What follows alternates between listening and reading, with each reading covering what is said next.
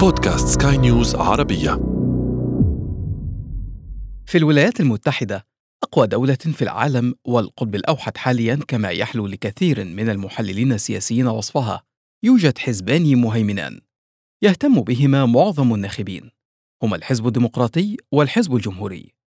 يميل الحزب الديمقراطي إلى الليبرالية الحديثة. يؤمن بتدخل الدولة وتوفير الرعاية الصحية للجميع.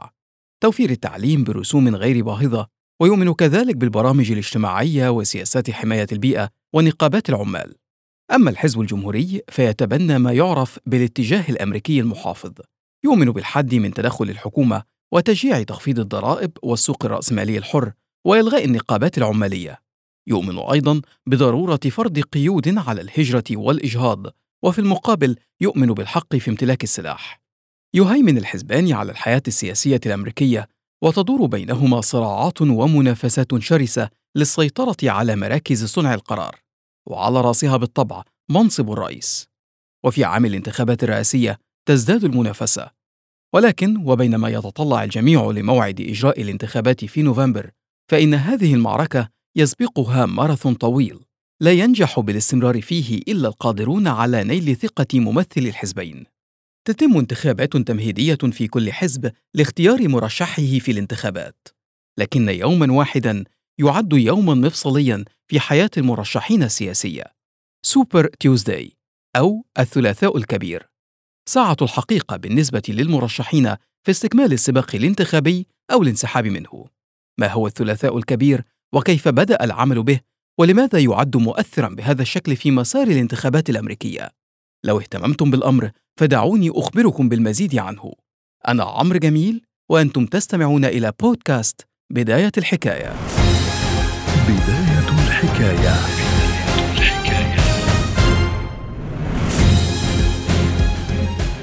في عام 1988 دخل نظام الثلاثاء الكبير حيز التنفيذ. حدث ذلك أساسا لمواجهة ما يسمى بمتلازمة ولاية أيوا لنتعرف على ما هي متلازمة ولاية أيوا دعونا نستمع إلى الصحفي المقيم في الولايات المتحدة إيهاب عباس. ولاية أيوة في الواقع هي من الولايات الصغيرة جدا داخل الولايات المتحدة الأمريكية إلا أنها تلعب دورا هاما في الانتخابات التمهيدية أو ما يعرف باسم الكاكسز لأنها في الواقع تأتي كمرحلة أولى للانتخابات التمهيدية للحزبين الجمهوري والديمقراطي دائما ما يبدأ المرشحون عن الحزبين للانتخابات الرئاسية حملاتهم الانتخابية من هذه الولاية بالإضافة طبعا لولاية نيو هامشير التي تتمتع بنفس الصفات. هاتان الولايتان في الواقع الغالبية العظمى من سكانهما هم من البيض أو ما يعرفون باسم ال rednecks أو أصحاب الرقاب الحمراء وهم من الأصول الأوروبية ودائما بسبب أن هاتين الولايتين لا يتطلب لكل مرشح أن يكون لديه حملة انتخابية كبيرة وضخمة حتى يستطيع جذب الناخبين فيهما. تعتبر ولاية منافسة ويقال إنهما توضحان إلى أي مدى يتمتع كل من المرشحين.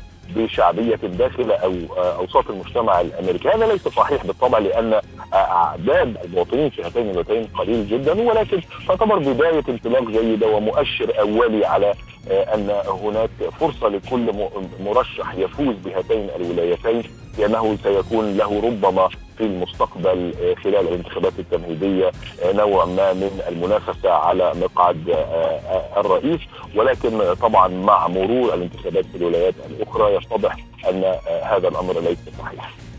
وبوجود هذه الانتقادات لاعتبار ايوا مؤشرا لدى البعض في الانتخابات ظهر إلى الوجود ما بات يعرف بالثلاثاء الكبير يوم يتم فيه التصويت في عدد كبير من الولايات في نفس الوقت ليختار كل حزب مرشحه في الانتخابات الرئاسية. الهدف من ذلك هو وضع المرشحين أمام اختبار قاس لخوض حملة وطنية في عدد كبير من الولايات في الوقت نفسه والوصول إلى لحظة حاسمة للتمييز بين المرشحين القادرين وغير القادرين على الاستمرار في السباق الانتخابي. دعونا نستمع لإيهاب عباس من جديد. Super Tuesday أصبح يطلق عليه أيضا يوم الحساب. السبب في ذلك هو أن هذا اليوم يقوم فيه الناخبون في 11 ولاية بالتصويت لمصلحة آه، المرشحين من الحزبين الجمهوري والديمقراطي. وهذه الولايات هي الولايات الكبيرة داخل الولايات المتحدة الأمريكية بالإضافة للزخم بسبب جمع هذه الولايات كلها في يوم واحد للتصويت. وبالتالي من يستطيع أن يصمد ويفوز بترشيح هذه الولايات خلال هذا اليوم يوم ال Super Tuesday أو الثلاثاء الكبير يستطيع بشكل كبير جدا أن تكون لديه فرص قوية للفوز بترشح حزبه لخوض الانتخابات الرئاسية فيما بعد. وبالتالي هذا اليوم هو يوم حاسم جدا ويضم ولايات كبيرة على رأسها مثلا ولاية فيرجينيا ولاية نبراسكا وبعض الولايات الأخرى بالإضافة طبعا للولايات المتبقية كفلوريدا وتكساس. بعد ذلك في انتخابات تمهيديه لاحقة في هذا اليوم أيضا عمرو بالمناسبة يقوم كل من خسر في هذه الانتخابات في الثلاثاء الكبير الانتخابات التمهيديه باعلان انسحابه من الترشح لخوض الانتخابات الرئاسية لأنه يعلم أن فرصه بالتالي أصبحت قليلة جدا في الحصول على أصوات المندوبين الممثلين لحزبه خلال هذه الانتخابات. وبفوز المرشح في الانتخابات التمهيديه لحزبه ينتقل للمرحلة الثانية في خوض المنافسة على منصب رئيس الولايات المتحدة. لكن الانتخابات الرئاسية الأمريكية ليست انتخابات مباشرة فعليا. فصحيح أن الناخبين يصوتون في الانتخابات، لكن من يختار الرئيس ونائبه هم أعضاء الكلية الانتخابية. حتى نفهم ما هي الكلية الانتخابية نعود لإيهاب عباس مرة أخرى. الكلية الانتخابية هم أعضاء يتم اختيارهم من قبل الولايات ليمثلوا هذه الولايات فيما يسمى بالإلكترال كولج أو المجمع الانتخابي أو الكلية الانتخابية ويقومون بدور انتخاب الرئيس في نهاية المطاف بعد إجراء الانتخابات الشعبية المباشرة وبالتالي هؤلاء الأشخاص اختصارا هم عدد أعضاء الممثلين لمجلس النواب بالإضافة لمئة عضو اخرين ويكون المجموع في نهايه المطاف 538 صوتا، عدد أعضاء مجلس النواب الأمريكي 435 صوتا. يضاف إليهم هؤلاء ال 100 ويصبح العدد 535 بالإضافة لثلاثة أصوات تقدم نيابة عن District of Columbia أو ما يعرف بواشنطن DC العاصمة الأمريكية لأن ليس لها نواب في البرلمان الأمريكي وبالتالي يصبح المجموع 538 وحتى يفوز المرشح للرئاسة بالمنصب فهو يحتاج إلى أكثر من 50% من أصوات الكلية الانتخابية ما يعني 270 صوتاً. وإذا ما فاز مرشح بأغلبية أصوات الناخبين في ولاية ما فإنه يحصل على كل أصوات الكلية الانتخابية في تلك الولاية.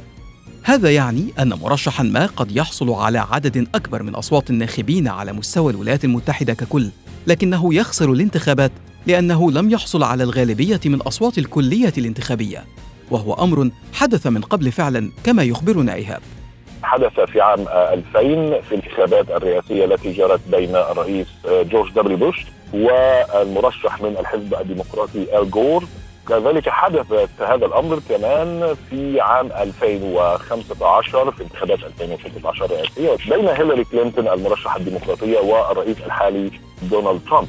في عام 2000 تحديدا عندما جرت هذه الانتخابات فاز آل جور ب اصوات الناخبين الأمريكيين المباشرة الأصوات الشعبية الذين توجهوا لصناديق الاقتراع واختاروا الرئيس كان عندها إذا ما تم الأخذ فقط بهذه الانتخابات فإن آل جور كان لابد أن يكون هو رئيس الولايات المتحدة الأمريكية على حساب جورج دبليو بوش لأنه حصل في هذا التوقيت على 50 مليون افتكر وربما 900 ألف صوت.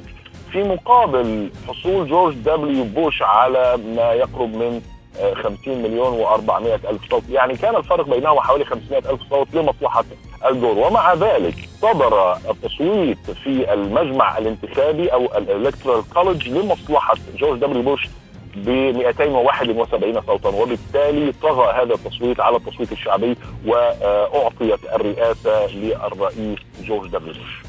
السباق نحو الرئاسة الأمريكية طويل ومعقد والمنافسة على منصب سيد البيت الأبيض دائما ما تكون محتدمة. تستخدم فيها كل أساليب السياسة بتكتيكاتها الواضحة منها والملتوية ويظل الثلاثاء الكبير نقطة مفصلية في سباق يحدد سيد قطب العالم الأوحد بدايه الحكاية, بداية الحكاية.